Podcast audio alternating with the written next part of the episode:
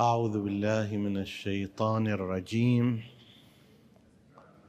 بسم الله الرحمن الرحيم. والصلاة والسلام على أشرف الأنبياء والمرسلين.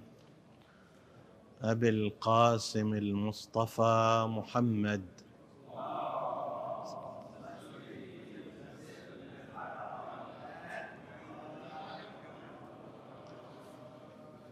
وعلى أهل بيته الطيبين الطاهرين المعصومين المكرمين. السلام عليكم أيها الإخوة المؤمنون أيتها الأخوات المؤمنات ورحمة الله وبركاته. لا يزال الحديث في وصية الإمام موسى بن جعفر الكاظم عليه السلام لهشام بن الحكم. وقد وصلنا إلى تعريف الإمام عليه السلام للصفات التي من خلالها يعرف تمامية العقل عند إنسان. وقد مر الكلام في أربع من الصفات وأما الصفة الخامسة فإنه كما نقل عن أمير المؤمنين عليه السلام قال يستكثر قليل المعروف من غيره ويستقل كثير المعروف من نفسه ويرى الناس كلهم خيرا منه وأنه شرهم في نفسه وهو تمام الأمر. بالنسبة إلى الصفة الأولى ترتبط بعمله وعمل غيره. بالنسبة إلى الصفة الثانية ترتبط بذاته ونفسه في مقابل ذوات الآخرين وأنفسهم. الصفة الأولى من صفات العاقل والتي هي بحسب هذا الترتيب تكون الخامسة أنه ينظر إلى أعماله على أنها قليلة ضئيلة حتى مع كثرتها وينظر إلى عمل الآخرين مع قلة ذلك العمل أنه كثير. وقد تقرؤون في دعاء مكارم الأخلاق عندما يسأل الإنسان ربه أن يبلغه مكارم الأخلاق يقول واستقلال العم واستقلال الخير من عملي وإن كثر. واستكثار الشر من عملي وإن قل بلغني إلى هذه المرتبة. وهذه في الواقع تماما على خل على خلاف الحالة العادية لكثير من الناس. كل الناس تقريبا يحبون ذواتهم. هذه غريزة عند الإنسان. أنت لا تحب نفسك لا تحب ذاتك؟ لا. تحب نفسك تحب ذاتك. وهذا حالة طبيعية. إذ لولا حب الإنسان لنفسه لما حماها من الأمراض والأخطار ولما سعى في إشباع بطنه وإكساء جلده وتحصيل الخير لنفسه. لولا أنه يحبها. لكن هذا إلى مقدار جيد. أما بعد ذلك المقدار بعض الناس يتحول حب الذات في أنفسهم إلى ما يشبه عبادة الذات عبادة النفس. ففي داخل نفسه هو احسن من غيره. ولا يعدم أيضا وسيلة للتبرير. أنا المتحدث ربما أرى نفسي أحسن من هذا. ليش؟ أقول أنا دارس علم ديني وهو ما دارس. بسرعة هذه المبرر. لو ما كنت أيضا دارس علم ديني طيب أقول أنا أجمل منه. لو ما كنت أجمل أجيب مبرر ثالث ورابع وخامس وهكذا. فعادة الإنسان امتحن نفسك في ذلك. فعلا هل ترى أن غيرك أفضل منك؟ إذا كان هالشكل فأنت في مستوى اخلاقي مرتفع. إذا فعلا لما تجي إلى المسجد تذهب إلى الحسينية تذهب إلى السوق اللي تشوفه قدام نفسك بدل ما تقول كما يقول بعضهم الحمد لله الذي عافانا مما ابتلى به كثيرا من خلقه. هذه الكليشة جاهزة عند قسم من الناس. زين؟ الحمد لله الذي فضلنا على كثير ممن خلق تفضيلا. شو مدريك؟ ماذا يدريك أنه فضلك على كثير من خلقه؟ مغتر بركعتين تصليها وعمرة تروحها وزيارة وما أدري اعمال ما ماذا يدريك أن هذا مقبول؟ وماذا يدريك أن ذاك اللي في نظرك شخص مقتحم تقتحمه عينك فد وقفه في جوف الليل وقف وتاب إلى ربه حتى لو كان مخطئا فقبله ومسح عنه كل شيء والتائب من الذنب ما لا ذنب له. وأنا ربما اللي قاعد أفتخر على هذا بعمامتي وملابسي وصلاتي وما أدري ذكري وكذا من الممكن أن الله سبحانه وتعالى اطلع إلى قلبي فرآه ليس كما ينبغي. هل عندك أو عندي أنا تضمين أن أعمالي مقبولة؟ ماكو تضمين. لذلك الإنسان العاقل يستقل كثير العمل من نفسه لأنه لا يعلم أنه مقبول. ما هي فائدة أنني أنا مثلا سويت كذا وعملت كذا وصليت وذكرت وأحسنت وأنفقت و ثم قال لي ربي ترى إحنا حسب الفحص مالنا في نيتك ما كانت نية سليمة. شو يفيد هذا؟ فمن الممكن نفس العمل اللي أنا أشوفه كثير ما إله مقومات القبول. احتمال لا يقبل. احتمال مع الكسر والانكسار مع الذنوب التي أنا ارتكبتها. أجيب النتيجة فاشلة. جابوا خلوا أعمالي هذه لنفترض كلها أعمال صالحة. وجابوا هم سيئاتي ذاك الصوب. من الممكن أن هذه سيئاتي راجحة على حسناتي. فليش واحد يجي يستكثر العمل اللي عنده؟ العاقل يستقل عمله الخير وإن كثر هذا العمل من حيث الحجم والعدد والظاهر لاحتمال أن لا يكون كذلك في الواقع. هذا عاقل. من عقله إذا نظر إلى ذلك يقول اولا أنا ما لازم أباهي وأفتخر وأستكثر العمل اللي اسويه وإنما لازم أزيد عملي. الإنسان اللي يشوف عمله قليل ماذا يصنع عادة؟ يكثر من العمل. هاي النتيجة العملية الأخلاقية مهمة.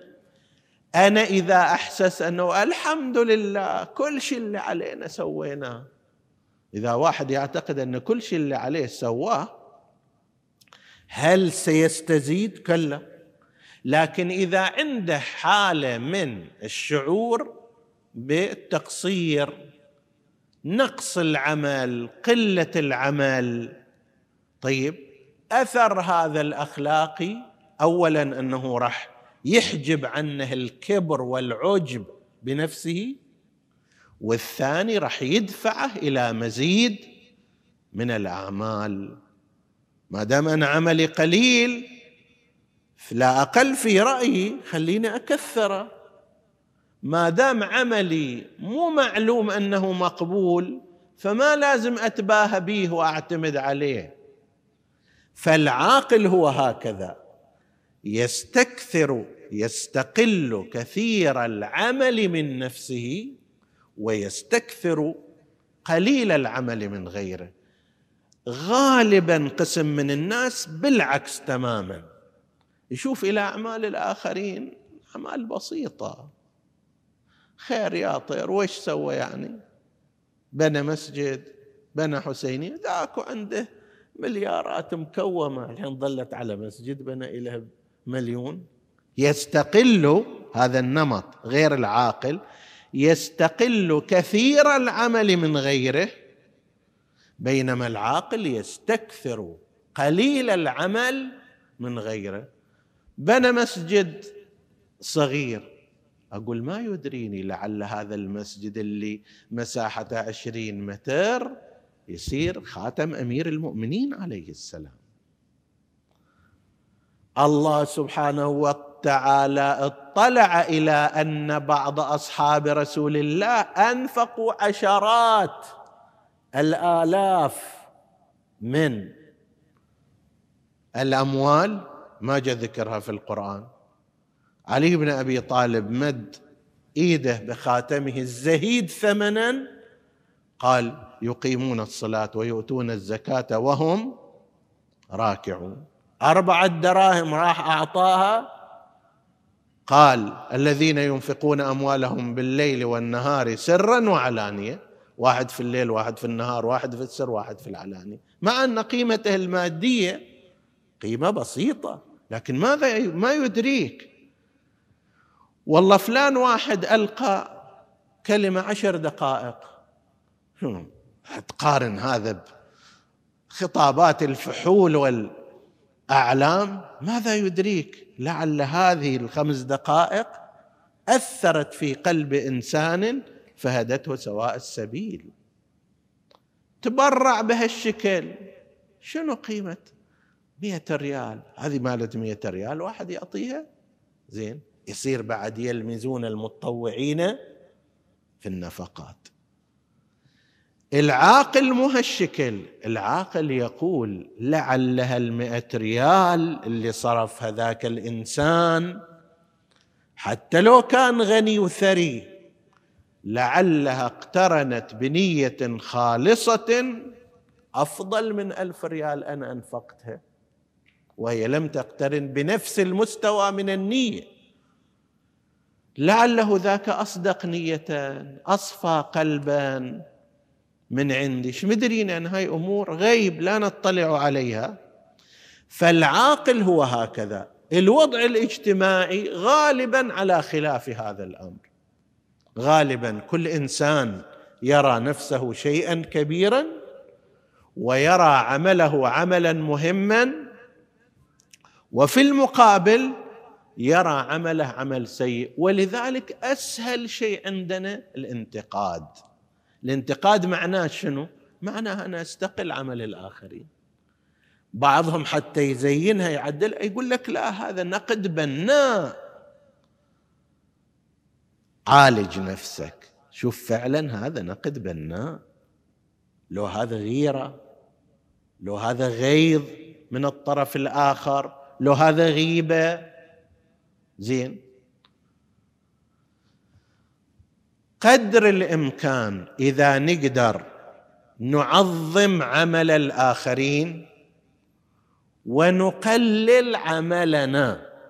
ما نفتخر به ما نكشخ به أكو بعض الأفراد مو بس هو يكشخ فيه إذا واحد تكلم عليه بكلام مثلا هو دكتور ما جاب كلمة الدكتور هذه مصيبة. إذا هو عالم لنفترض بمرتبة كذا واحد قال الشيخ فلان كيف الشيخ؟ أنا هالمده من الزمان قاعد أدرس؟ بعدين تقول لي بس الشيخ. طيب وين العلامة؟ وين الحجة؟ وين آية الله؟ وين فلان؟ وين فلتان؟ طيب استكثار. العمل الذاتي واستقلال عمل الغير. عكسه تماما هو تام العقل أن يستقل الإنسان. شايف مثلا علماءنا الكبار وهذا ملحوظ عندهم بعضهم يكتب الأحقر فلان. الأحقر مو عبد ولا حقير الأحقر. زين؟ وهو قاعد مثلا يكتب رسالة ربما إلى واحد من مقلديه بس يكتب الأحقر فلان أو بعضهم توقيعه عبده فلان. يعني عبد الله سبحانه وتعالى. لكن أنا إذا واحد ما يقول لي حجة حجة الإسلام وعلامة الزمان وما أدري آخر ذوي الأفهام والثلاثة أربعة أسطر ما يقنعني هذا الشيء. أحدهم قيل أراد أن يكرم أحد الأشخاص فشاف مثلا عالم يعتقد فيه فشاف مثلا كلمة العلامة قليلة في حقه. شلون يعني؟ هذا بس علامة ذاك العلامة يبيعوها ببلاش. زين. الحجة هم شافها قليلة. أفضل العلماء هم مو بقده يحتاج أكثر.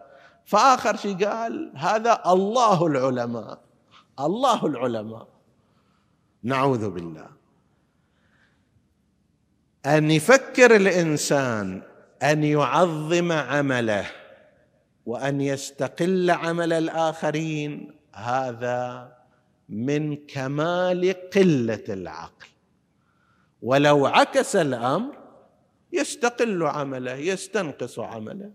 زين؟ حتى لا يستشعر الغرور والعجب كصفة نفسية وحتى لا يقلل من أعماله كصفة عملية. إذا شعر بأنه أنا ما مسوي شيء اليوم يروح هذا الشعور يدفعه لمزيد من العمل. طيب ما أنفقت اليوم شيء؟ خليه يروح إلى الإنفاق وهكذا. وبالنسبة إلى الآخرين نفس الكلام إذا استكثر عملهم هذا يخليه حسن الظن بهم. بينما إذا لا في رايه إذا كان العمل كبير يقول المهم النيه إذا كان العمل قليل يقول شنو؟ هذا هو هذا شغل مسجد أبو ثلاثين متر كتاب أبو عشر صفحات هذا يسموه شغل. تحيرنا وياك. إذا الشيء الكبير سويناه تقول مو المهم حجم العمل. المهم نية العمل. إذا عمل صغير تقول شنو هو هذا؟ شغل المفروض يكون أكبر لكن هي ناتجه من ماذا؟ من أنه يستنقص عمل الغير. فواحد من الصفات هكذا وبالنسبة إلى الذات أيضا نفس الشيء. أن الإنسان إذا رأى نفسه في نفسه حتى لاحظ تعبير الإمام عليه السلام ويرى أن يرى نفسه شر الناس أسوأ الناس. طيب يقول وذاك تمام الأمر يعني كأنما ما يعطي إلى نفسه قيمة. ترى هذا لو يتحرر منه الإنسان النظر إلى الذات كيف ما يقول لي هذا الكلام؟ كيف ما يقيم اعتبار إلي؟ ينقل عن السيد بحر العلوم رحمة الله عليه السيد محمد مهدي بحر العلوم وهو طباطبائي كان يحظى بلقاء الإمام الحجة عجل الله تعالى فرجه الشريف. قيل إنه لما ألف المولى النراقي كتاب طبعا مقبول وكتاب جدا جميل. القصة هكذا تنقل أشيل لنا التفاصيل. لما اجى إلى النجف الأشرف سيد بحر العلوم موجود هناك فصاحب كتاب العلوم عفوا أول شيء سيد بحر العلوم ذهب إلى صاحب الكتاب. طبعا ذا قام ورحب فيه وبالتالي مرجعية عليا. وهذا أيضا عالم كبير. لما رد الزيارة عليه صاحب الكتاب رد الزيارة وهذه من آداب المعروفة هم بين المؤمنين وبين العلماء. فلما رد الزيارة عليه سيد بحر العلوم قعد مكانه ما تحرك أصلا. جاء سلم وعليكم السلام. صبحكم الله بالخير. هذا هم قال صبحكم الله بالخير والعافية. شغل عنه. الحاضرون جدا تعجبوا. فلا هذه أخلاق سيد بحر العلوم اللي كان حتى إلى بعض تلامذته يبدي احترام عظيم. ولا هو هم مقتضى التقاليد. واحد جايك ضيف إلى مكانك. طيب ومتعني لزيارتك. حتى ما تتحرك ما تقوم إليه وذاك اليوم هم وصلنك إلى الباب. كلش تعجبوا من ذلك. فقعد وخلص وكذا وإلى آخره ثم انصرف. إجوا إلى سيد بحر العلوم وسألوه إنه شو القضية يعني؟ مو مألوف منك هذا؟ قال حسب تعبيرنا ولا تعلمن نبأه بعد حين. انتظروا أيام كذا شيء. في الجو العام ما صار أي انعكاس لهالقضية. الناس راحوا إلى صاحب الكتاب قعدوا وياه مثلا ما تشكى ما قال هذا أهانني ما أعطاني اعتبار. لا أنا اللي مثلا زرته في لا, هو اللي زارني في مكاني وفزيت ووصلته إلى الباب. ولا ذاك الاستقبال البارد الباهت. طيب. ما قال هذا الحكي؟ ناس راحوا إلى حتى بعضهم حاول وينبروا الشغلة. أنه مثلا زرت العلماء زرت السيد بحر العلوم. قال إيه الحمد لله وكذا ولا أبدأ أي شيء. بعدها السيد بحر العلوم رحمة الله عليه قيل أنه أنا طلعت على الكتاب ماله. ووجدته كتاب جدا جيد. فأردت أن أختبر التزامه به وبالفعل هو ملتزم. لأنه لا تشكى لا تأثر لا حكى في الموضوع لا كذا مما يتبين معه أنه فعلا متواضع النفس. الآن لو واحد مثلا بس يريد يمتحنك سلم عليه ولا يرد عليك السلام وش تصير؟ تصير معركة. واحد سوى لك خير أراد أن يمتحنك. ما رد عليك الخير بمثله امتحانا. أنت ما تخلي مكان إلا وتحكي فيه تتكلم عليه. طيب. ذاك لا يرى نفسه شيئا عظيما. هذا يعني قهر نفسه. مر مردها مرد زين؟ خير إن شاء الله ما قام لي ثم ماذا ما سلم علي. كنت أحكي قاطع كلامي. تكلمت ما استمع إلي. طيب وش صار يعني؟ أهانني حتى. هذا الإنسان اللي مارد نفسه مرغها تمام أهان نفسه حسب تعبير الروايات اللي يهين نفسه يكرمه الله سبحانه وتعالى. أما هذا اللي بالنسبة إلى ما تسلم عليه مصيبة ومعركة. كيف أنا جيت فلان يابا ما ملتفت إليك. لا. كيف ما يلتفت إلي؟ أنا مو إنسان نكرة. كيف ما يلتفت إلي؟ يابا ملتفت ومتعمد أراد أن يمتحنك. تبين أن معدنك بهذا المستوى. فيقول ويرى الناس كلهم خيرا منه وأنه شرهم. هو أقل واحد فيهم. وأن الآخرين أفضل من عنده. قلت هذا بالعكس تماما على ما نراه في بعض الأوساط الاجتماعية. ممكن المتكلم قبل السامعين مبتلى بهذا الأمر.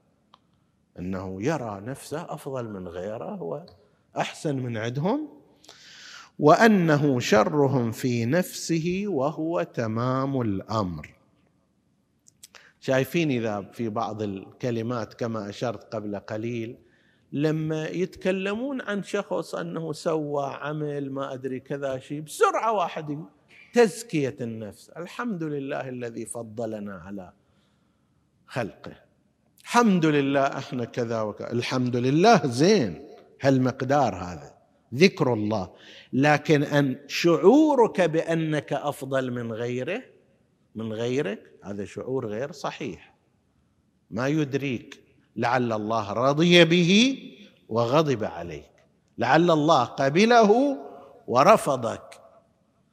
فهذه من علامات العاقل يقول أمير المؤمنين عليه السلام ثم يقول يا هشام الإمام الكاظم عليه السلام يا هشام من صدق لسانه زكى عمله.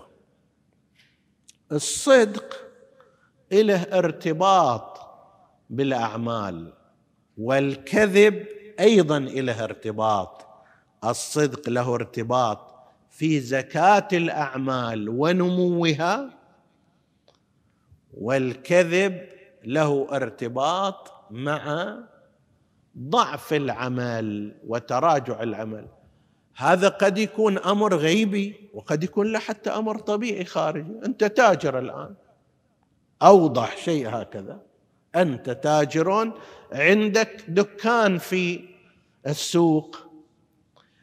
اللي يتعامل وياك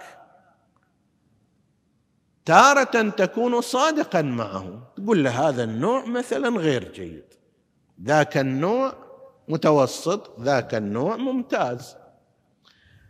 هذه السمكة مو مالت اليوم مالت قبل ثلاثة أيام تراها ومو مالت البلد مالت مكان ثاني. طيب؟ إذا يصير الإنسان هكذا يزكو عمله. ليش؟ لأنك أنت راح تقول هذا الرجل صادق ما يغشني. فأنا راح أروح أشتري من عنده حتى لو مالت أبو يومين قبل. أما إذا غشني مرة ومرتين راح يكتشف هكذا. إذا كذب علي مرة ومرتين حبل الكذب قصير. ما يقدر يكذب علي في كل الأمور لطول المدة. بعد مدة قصيرة من الزمان أنا راح أنقطع عنه. خو عمله ذاك التجاري انتهى وفسد. ليش؟ لأنه كذب. بينما ذلك الصادق ولو بحسب الظاهر الآن خسر أن فلان زبون يشتري من عنده لكن صارت سمعته في أنه صادق تجذب الناس إليه. انت اختبر هذا. إذا واحد في السوق معروف أنه كذاب. وواحد آخر معروف بأنه صادق. غالبا الصادق يقصد للشراء من عنده والكاذب يمكن أن يخدع الناس مرة ومرتين لكنه لا يستطيع أن يستمر على ذلك. هذا في الأمور المادية وكذلك أيضا في الأمور المعنوية. كل ما يكون الإنسان صادق في أموره أعماله صادق هنا في الأمور المعنوية تأتي بمعنى صادق النية مخلص ما يريد يخدع الآخرين مو اليوم يرفع شعار وباكر يعمل بخلافه لا صادق القول. يسكو عمله ذلك ينمو عمله يستمر. نسأل الله سبحانه وتعالى أن يجعلنا وإياكم ممن يكرمهم بتمام العقل وبصدق النية والعمل وللحديث تتمة تأتي إن شاء الله تعالى وصلى الله على محمد وآله الطاهرين.